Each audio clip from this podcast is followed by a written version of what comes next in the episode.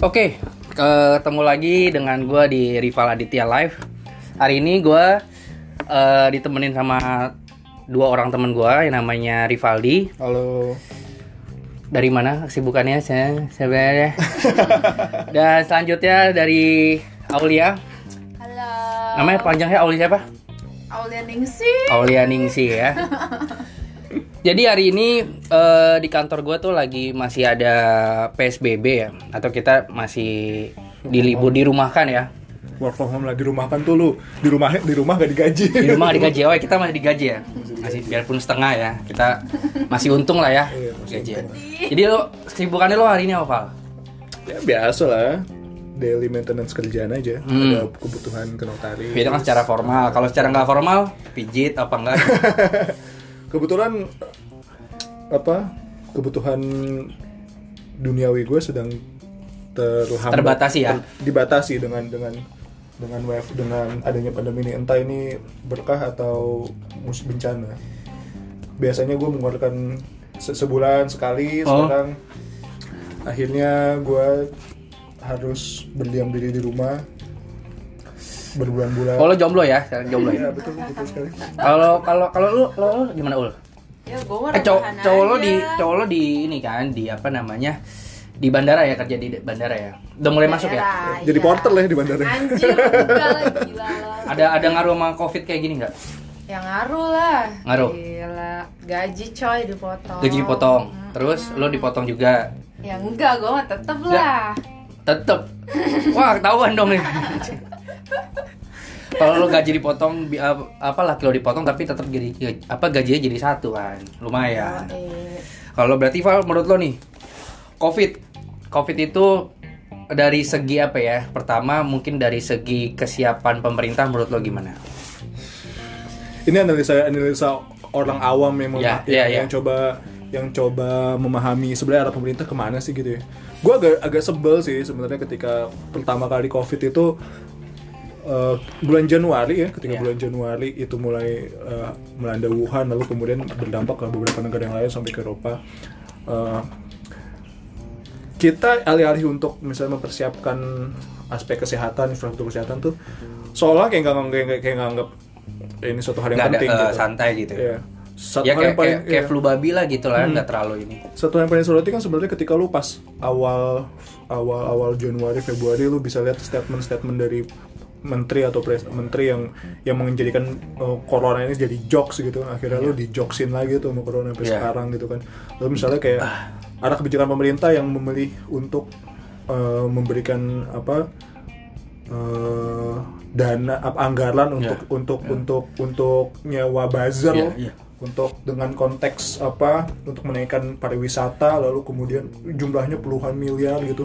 Lalu misalnya ada subsidi subsidi tiket pesawat agar lu agar apa aspek eh, pariwisata pariwisata lu tetap tetap hidup gitu. Sebenarnya di uang segitu gitu dengan dengan jumlah nominal sekian di saat negara lain menggunakan mengalihfungsikan dananya itu untuk infrastruktur kesehatan apa segala macem lu malah melakukan hal seperti itu gitu. Tapi menurut lo berarti berarti COVID ini tuh merugikan? Ya pada akhirnya semua orang merasakan lah baik baik orang yang ngerasain da- yang paling besar itu kan selain dampak kesehatan itu kan dampak ekonomi kan Iya. nggak usah lah ngomong dampak ekonomi secara global lah gitu ya yang gede banget kita juga pusing gue mikirin Nah. dampak ekonomi ke kita sehari-hari aja gitu Iya. lu lu lu ngerasain gimana gaji di gaji Tapi dipotong. di luar di luar di luar eh, kerjaan ini lo ada sampingan juga kan? pada akhirnya. Ketika pandemi ini uh, mulai apa mulai berdampak secara ekonomi lo harus berpikir muter otak kan gitu. Apa yang bisa lo lakukan untuk bisa survive dengan diri lo sendiri gitu. Uh, ya akhirnya lo harus punya apa ya alternatif. Sampingan lo selama ini kalau selama ini sampingan lo apa? Ya kalau gue backgroundnya job legal Iya. eh, backgroundnya gue hukum ya akhirnya gue melakukan ya job-job legal yang gue lakukan ya review kontrak lah ya assisting perusahaan Tetap itu tetap jalan. masih tetap itu masih tetap, Tetap jalan. masih tetap itu jalan akhirnya Oke, berarti kalau lo ul, lo sebagai ibu- lo udah nikah kan sebagai ibu rumah tangga, Hmm. yang berdampak merugikan menurut lo covid itu apa? Bukan harusnya lo enak, jujur ya kalau belak belakan kita WFA digaji tapi nggak ngapa-ngapain enak dong sebenarnya. Iya sih. Ah, terus, oh berarti Ya, enak. kalau kalau gue sendiri sih ya eh, dampaknya bagi gue itu lebih ke gue susah nyari makanan makan di tempat tuh susah banget Emang nggak bisa masak? gue nggak bisa masak coy baru masak? menikah masih belajar gue Ah, itu sih gue mau makan aja susah banget terus sampai gue nyari mie ayam aja mau makan di tempat umpet-umpetan takut satpol pp itu menurut gue kayak ya ampun makan aja Nah. sampai kayak mak tapi kayak nih, tapi fakta ya, gitu. ini fakta ya. Eh, yang gue dengar-dengar justru perceraian itu terjadi karena covid. oh ya Terjadi karena covid. Di Cina itu katanya juga eh, angka ting- angka perceraian tinggi karena covid. Karena apa ya? Si suami itu, si suami itu eh, eh, mereka ribut rumah tangga. Hmm. Jadi pokoknya dari segi ekonomi jadi berantem, terus Iya. jadi angka angka perceraian tinggi itu. Iya. Nah, Iya. dari dari segi lo ul dari yang berkeluarga itu bener gak berdampak kalau jujur lo sering berantem apa enggak Eh, so far sih karena kan gue- sering enggak justru gini Hah? namanya manusia sering ketemu malah sering berantem. Iya, konfliknya Iya makin mas- semakin gede kan. iya Iya lo sih, tapi berantem? untungnya gue sih enggak ya. Ya karena emang suami udah gak peduli sama dia. Eh, amit enggak lah. Eh. Ya untungnya sih ke gue sendiri enggak ya, Hmm. karena emang laki gue juga kan setiap hari dia nggak setiap hari sih rolling gitu. Dia ke kantor gitu besoknya di rumah ya nggak setiap hari juga ketemu gitu. Hmm. Dan menurut gue sih eh, dampaknya lebih ke apa ya? Psikis gue sendiri justru. Kenapa gue psikis? bosen banget di Oh, rumah nggak bisa ke mana-mana coy. nggak bisa ke mana-mana emang ap- apa karena lo nggak mau ke mana-mana? Oh menurut gue sih kalau kalau kita mau Oh, ke mana-mana bisa gue lebih ke khawatir aja sih gue takut kena virusnya itu sendiri. Oke. Dan gue takutnya jadi pembawa virus ke keluarga gue oke. gitu. Nah dari segi jomblo nih ya lo pernah kepikiran nggak? Covid orang lagi covid gini kan udah pasti kan ditutup dong akses segala macam. Orang bisa pacaran gitu covid gimana caranya kalau ketemu Anjir, gue. Minimal nggak- itu pertanyaan harus lu jawab. Lu tanya ke Kan orang yang mas lagi pacaran. Enggak enggak, karena itu enggak itu enggak lo pikir posisi kan orang udah pacaran ya. Eh, eh. Ini orang jomblo untuk mencari pasangan Eh. pada saat Covid. Eh, Itu gimana Ya, cara makanya tapi, itu- tapi lu pernah kepikiran nggak ada yang dapet pada saat Covid? Oh, iya? Nah, itu, eh seriusan. oh ya? Eh, itu gimana? Pekerja medis kali namanya. Ya, bisa ya, benar benar. Mungkin mungkin cinlok dapet. Nah, kalau misalnya bukan pekerja medis terus jomblo Iya. kayak lo gini nih. Nah, Iya. jujur lo kalau jomblo gini gimana? Lo Gue eh, semakin terpuruk lah. jadi nggak ada nggak ada akses. Ya jadi mungkin kayak- kayak Tinder kan lo bisa ketemu. Enggak sih, gue maksudnya gue bukan tipe orang yang eh, bisa nyaman mendekatin orang lewat sosial media lalu misalnya berlanjut sampai ketemuan secara secara tatap muka. Gue bukan yang kayak gitu. Jadi apa ya? Selama pandemi ini ya itu ngaruhnya ke ekonomi dan ke personal juga. Yang jomblo makin jomblo. Ya berarti bener ya, berarti yang jomblo Miskin, makin miskin. jomblo karena dia nggak dapat akses akses ya, akses berlebih dong ya kan buat Iya, buat iya. dia ketemu sama orang, misalnya nonton. Iya. Nonton aja sekarang udah Eh, iya, lu masa masa lu PDKT virtual Zoom? eh ada. ada aja kali ya? Ada. Ada Gue zaman zaman gue Iya sih. eh zaman Gua zaman gue pacaran zaman gue pacaran gue tuh gue tuh SMS-an sama sama pacar gue sama mantan gue tuh Hmm. SMS-an terus gak pernah ketemu tapi seneng aja gitu SMS Hmm. pas ketemu justru kayak orang baru mulai pacaran Oh iya. jadi Iya kan? anget ya kan karena ngebawa gue ini sih gue paham sih tuh. Apa ya? Kadang tuh ada ada suatu apa ya, hubungan gitu ya atau atau apa ya, PDKT-an gitu. Karena lu terlalu asik di di apa di forum chatan gitu chatting untuk ngebawa ke apa ke benerannya gitu ke obrolan yang yang yang benerannya tuh emang susah sih beda gitu. Nah gue itu tipikal orang yang mendingan gue ketemu dulu orangnya asik baru gue chat-chatan gitu Tapi nih ya, lalu ngerasain beda- bedanya pacaran sekarang, eh zaman dulu sama sekarang. eh, kalau sekarang ini terlalu diatur sama eh, orang luar. Jadi lu lu lu apa ya? Lu takut untuk nge-publish, lu takut dikatain alay, takut dikatain norak segala macam. Tapi kalau zaman dulu gua nge-share nge-share maksudnya eh, yang menurut gua kayak misalnya Friendster gitu ya. eh, apa I love you papa, mama atau bunda gitu. Dulu kita alay sih anjing nah nah orang semenjak ada alay-alay itu jadi jadi j- jadi apa ya Iya, iya, iya. jadi ra- rasa untuk bang membanggakan si Iya. pacar ini jadi Iya, iya. jadi terbatas dong karena karena memikirkan lain. eh, eh, karena memikirkan takut dijas takut di apa zaman dulu kita nggak pernah kepikiran itu kan Zaman nyokap gue gitu, bokap gue masih pacaran dia share di IG biasa aja gitu. kan emang udah ada emang udah ada IG Nggak maksud gue, maksud gue, maksud gue berarti sekarang udah mulai biarpun eh, sekarang berarti udah mulai berdampak ke orang lain yang bukan apa ya kaitannya sama kita kan. Karena kita ta- karena kita apa apa mikir takut norak takut apa. Padahal- jadi itu menutup gua- menutup kreativitas seseorang kan jadi. Iya iya. Ekspresi Iya dong. berekspresi.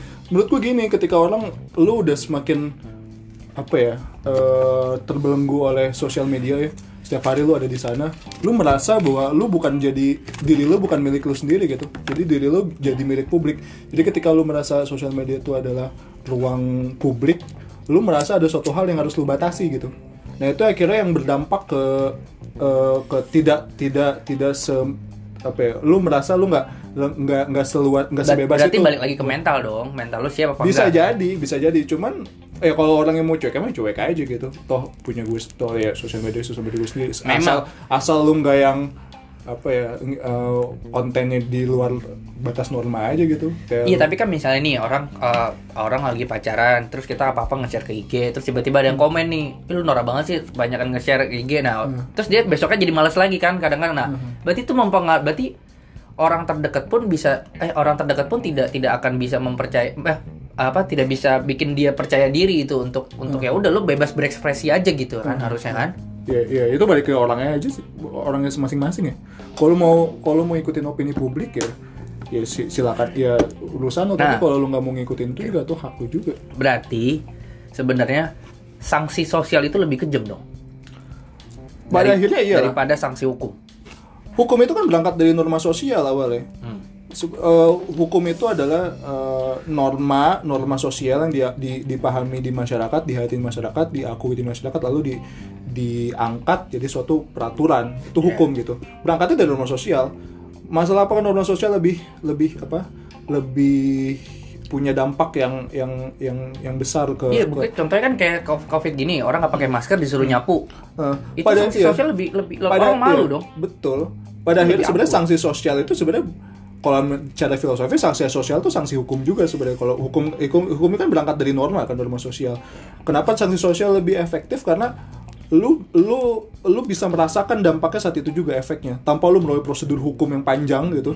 Ketika lu nggak pakai masker lu ada sanksi sosial lu lu harus lu lu harus pakai rompi apa pelanggar Iya. PSBB lu nyapu di jalan. Sanksi sosial itu langsung kena ke lu lu langsung merasakannya lu langsung mengalaminya lu tahu lu berbuat salah dan ya itu ya memang sangat efektif gitu Efektif, Sangat sanksi sangat sosial. efektif, Nah, sangat efektif Nah, berarti eh, tapi ada yang bilang kalau sanksi sosial itu katanya kurang manusiawi. Nah, Hmm. sebenarnya hukum itu tuh harus netral. Di- sebagai di mata hukum nih, Hmm. hukum itu harus netral. Apa emang harus kejam tapi orang pada nurut? Atau misalnya eh, hukum nggak terlalu berat, nggak terlalu berat tapi netral? In, su- apa fungsi tujuan hukum itu kan apa kemanfaatan eh Tapi kebanyakan orang di penjara itu justru nggak buat orang nggak buat orang makin bener kebanyakan loh. Kayak narkoba. Justru orang yang masuk yang masuk penjara malah dia jadi bandar bisa. iya itu bic- eh, kalau makanya bicara makanya penyalahgunaan mendi- mendingan direhab direhab kan daripada karena dia bisa lebih parah kalau masuk. Sebenarnya tujuan hukum itu untuk penjeraan untuk apa? penjeraan Oh penjeraan. penegakan hukum misalnya ketika ketika lu eh, ketika lu eh, apa mengalami mengalami masalah hukum lalu akan lu sang lalu lu diberi sanksi sanksi itu tujuannya penjeraan penjeraan itu agar supaya apa? Lu bisa penjeraan itu ada dua penjeraan personal atau penjeraan umum dan penjeraan umum. Penjeraan personal itu agar agar lu yang melakukan tidak melakukan lagi. Penjeraan umum itu adalah agar orang lain yang mau melakukan hal yang sama ke- eh, kayak lu yang lakukan karena orang lain ngeliat lu dihukum seperti itu dan dia nggak mau digituin maka itu bisa jadi penjeraan buat dia supaya dia nggak lakukan hal yang sama. Kalau dia kayak gitu lu akan di sanksi yang sama. Nah kalau soal penjeraan kalau pertanyaan lu apa tadi? Iya kalau itu bikin bikin dia- kalau eh, eh, makanya penjara itu bikin orang jadi baik apa enggak sih sebenarnya? penjara itu bikin orang- tergantung. Sebenarnya kan penjeraan apa eh, konsep penjeraan kita itu kan konsep penjeraan itu kan banyak ya. Ada yang sifatnya eh, pembalasan gitu. Atau eh, yang sifatnya keras bahwa lu kalau lu kalau lu melakukan sesuatu keras lu maka harus ditempa dengan kekerasan dan dua sifatnya lu eh, apa gue lupa eh, istilah hukumnya. Pendi- lebih lebih ke sifatnya pendidikan. Pendidikan. menghapus nilai-nilai jahat dalam diri lo konsep eh, sanksi pidana itu tujuannya supaya apa paling yang paling filosofis yang paling intinya adalah untuk menghapus nilai jahat dari diri lo supaya lo nggak melakukan kejahatan itu lagi. Itulah fungsi penjaraan. Nah kenapa nih misalnya penjara eh, orang melakukan hal- melakukan eh, setelah setelah dia di penjara eh, keluar nilai-nilai eh, jahatnya nggak hilang? Yaitu lu harus li- harus lihat lagi bagaimana eh, apa metode penjaraan di dalam. Apakah misalnya ketika lu misalnya narapidana narkoba gitu lu masuk ke dalam ya lu lebih enak lu bisa lu bisa Nah. lu bisa fakta yang banyak beredar lu di dalam bisa bisa Oke. mengkoordinir apa eh, kartel narkoba tanpa harus lu ketangkep dengan lu bekerja sama dengan si Ya. oknum sipil dan oknum yang di dalamnya ya itu satu hal tapi misal bicara soal apa eh, pen- eh, sanksi pidana itu ya harus penjaraan dengan tujuannya adalah menghapus nilai-nilai jahat dalam diri orang Terus kenapa kalau misalnya orang di penjara itu ada remisi? Gunanya buat apa remisi? Berarti berarti percuma dong orang di penjara kalau ada potongan orang udah mikir ada potongan. Hmm. Kayak misalnya orang kor- korupsi gitu ya. Hmm. Korupsi paling cuma penjara Hmm. berapa tahun gitu ya. Terus juga tapi asetnya nggak diapa-apain. nggak di- Gue juga kalau korupsi gue kalau mau bisa korupsi gue masuk DPR mendingan korupsi gue. remisi itu sebenarnya hak hak hak eh, narapidana hak narapidana itu salah satunya mendapat remisi dengan catatan Berarti misalnya balik lagi ke HAM ya? betul apakah dalam proses jadi gini sebenarnya dalam proses penjaraan di dalam itu itu sifatnya lebih lebih apa ya lebih dinamis. Ketika lu eh, ketika lu misalnya eh, melihat sesuatu apa sih kita kita sebagai kalapas gitu melihat eh, salah satu salah satu napi kita berkelakuan baik terus eh, dia disiplin dan segala macam maka dia bisa mendapatkan keringanan masa tahanan bahkan sampai misalnya pembebasan bersyarat. Itu sebenarnya hak yang bisa didapetin dengan catatan bahwa yang kita yang kita lihat di dalam yang yang yang misalnya yang pihak berwajib lihat di dalam berdasarkan hasil- hasil asesmen dia berlakuan berkelakuan baik bisa dilepaskan. Itulah tujuannya kenapa remisi. Apakah misalnya bertentangan sama hukum? Ya enggak juga. Lu misalnya di lu misalnya contoh misalnya lu dihukum eh, karena pencurian Iya. misalnya dihukum lu berapa lima tahun penjara misalnya untuk pencurian misalnya Nah, eh, bentar, bentar, bentar. Sorry gue potong nih. Nah, eh, gini, gue pengen, pengen, pengen ngebandingin.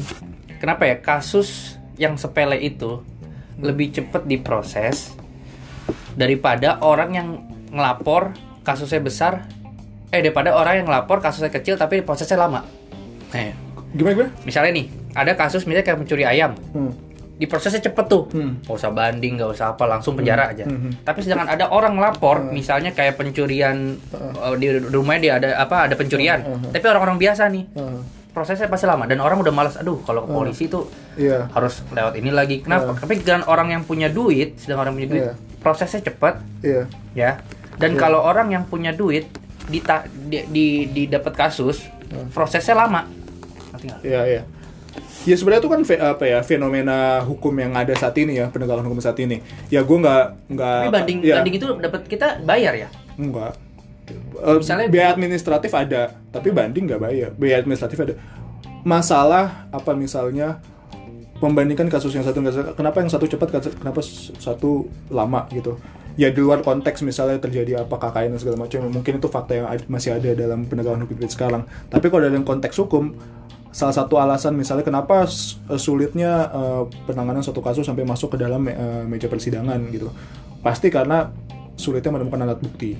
Hmm. pasti ke situ larinya kesulitan menemukan alat bukti misalnya Tapi kan kenapa kasus-kasus kecil itu lebih cepat loh teman? karena mungkin karena mungkin alat buktinya gampang. Lu pencurian misalnya orangnya dapat. Eh, alat buktinya apa dapat? Misalnya lu curi curi ayam curi ayam ada ada ayamnya ada saksi yang melihat ada ada ada ada keterangan dari saksi Ah, ditambah misalnya keterangan ter- tersangka yang mengakui ada ada alat buktinya misalnya ada barang bukti segala macam akhirnya yang menguat yang memudahkan proses itu akan agar bisa dapat diadili ya itu tapi kenapa misalnya kasusnya lama be- bertahun-tahun contoh misalnya ka- kayak kasus eh, siapa yang hangat sekarang itu waktu Eh, yang zamannya kopi Jessica Kopi misalnya. Jessica misalnya. Kenapa itu? Itu kan untuk memproses, untuk memvalidasi alat bukti itu kan sulit sekali kan. Lu meracun orang, elunya nggak kelihatan lu meracun. Dan orangnya mati, matinya karena apa? Benda-benda diracun atau tidak? Harus melalui proses visum.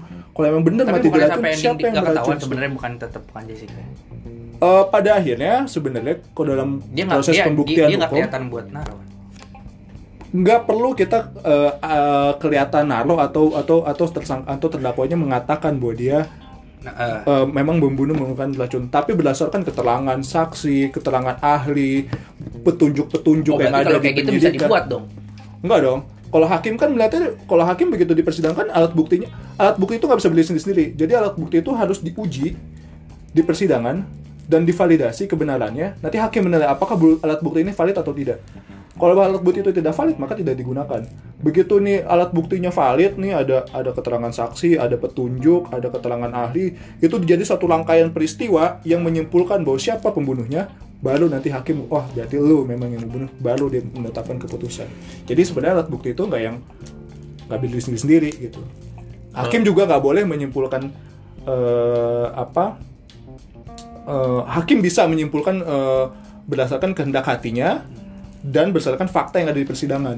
Itu hakim yang nanti akan mem- akan mem- memvalidasi. Kalau di persidangan ini jaksa sama pengacara ini kan adu-adu adu-adu argumen lah. Jaksa ngeluarin alat bukti ini nanti dibantah sama pengacara.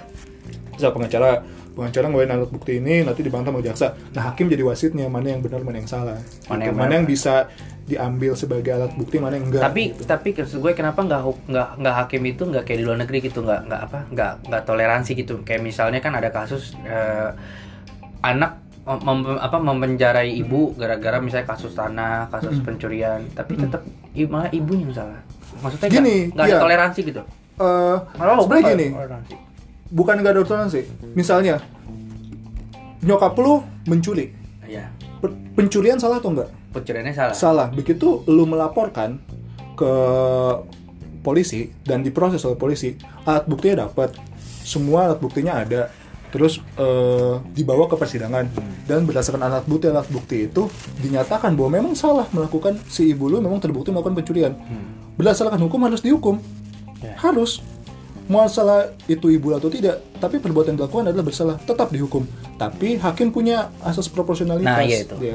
Proporsinya itu yang dilihat. Misalnya, lu kayak kasus-kasus sebelumnya, misalnya ada yang nyuri kokoa misalnya. Ya, Kokoanya cuma satu ember, Hmm. lahannya sehektar. ya. Pantas nggak dia dihukum misalnya lima tahun penjara? Hmm. Pantas nggak dia dihukum berapa yang berat? Padahal dia makan koko cuma buat eh, apa misalnya untuk makan dia karena dia kelaparan segala macam. Hakim berhak menentukan proporsionalitas. Perbuatannya nggak boleh dia katakan tidak bersalah, harus tetap bersalah karena Tapi dikurangin gitu. tapi hukumannya harus berdasarkan asas proporsionalitas. Misalnya dihitung dari misalnya dia udah tua, kemampuan dia dalam menjalani pidana gimana?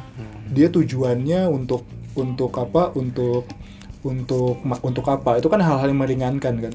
Akhirnya nanti di situ lah hakim menentukan perbuatan harus tetap bersalah misalnya. Berarti berarti sistem sistem apa pengadilan di Indonesia sama di luar negeri beda ya karena kan kalau di luar negeri si si si apa si ter, si terdakwa nih boleh boleh boleh ngejelasin secara detail apa yang dia di ini kan yang dilakuin Boleh, di sini juga boleh. dan dan biasanya kan tapi kalau di luar negeri gue lihat ada yang hakim apa ya ya udah gitu maksudnya ini toleransi gitu dan Boleh.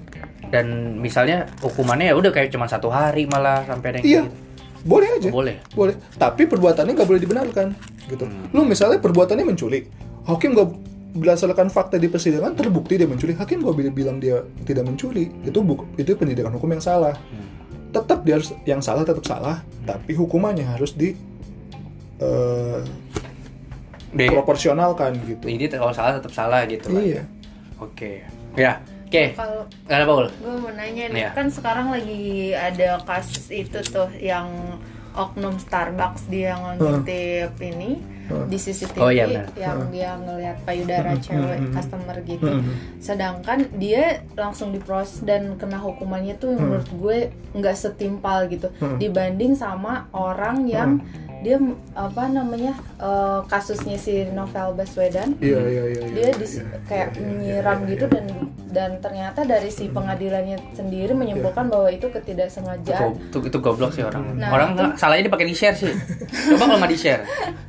Nah, Kan menurut pandangan semua. seorang legal gitu, seorang lawyer itu gimana ya? Karena kalau kita sebagai netizen itu kayaknya kok jomplang Iya, banget iya. gitu loh. Itu jatuh jatuhnya apa sadap? Apa? Siapa? Jat- Jatuhnya kita masih ada Bukan, nggak dong. nggak sadap, nggak menyalahgunakan pekerjaan ya? Eh, pasti dia secara SOP udah menyalahi eh, peraturan perusahaan makanya dipecat. Iya. Lalu kemudian apakah misalnya dia eh, diproses secara hukum artinya dia ada ada ada ada, ada perbuatan dia melanggar hukum. Gue kurang tahu dia dikenakan oleh undang-undang apa. Biasanya misalnya kalau ITE masuk ITE, dong. ITE misalnya berkaitan sama pornografi atau porno aksi misalnya. Mungkin tuh bisa masuk pornografi, porno aksinya kadang dia menyebarkan Iya. eh, konten yang berbau pornografi dan porno aksi. Eh, ya hukumannya nanti kalau misalnya si Al- Alun nanya be- diproses harus di eh, nggak seba- sebanding nggak eh misalnya ini nggak sebanding dong sama ini sama sama kasus yang sebenarnya sebenarnya hukum itu nggak bisa dibandingkan satu sama lain.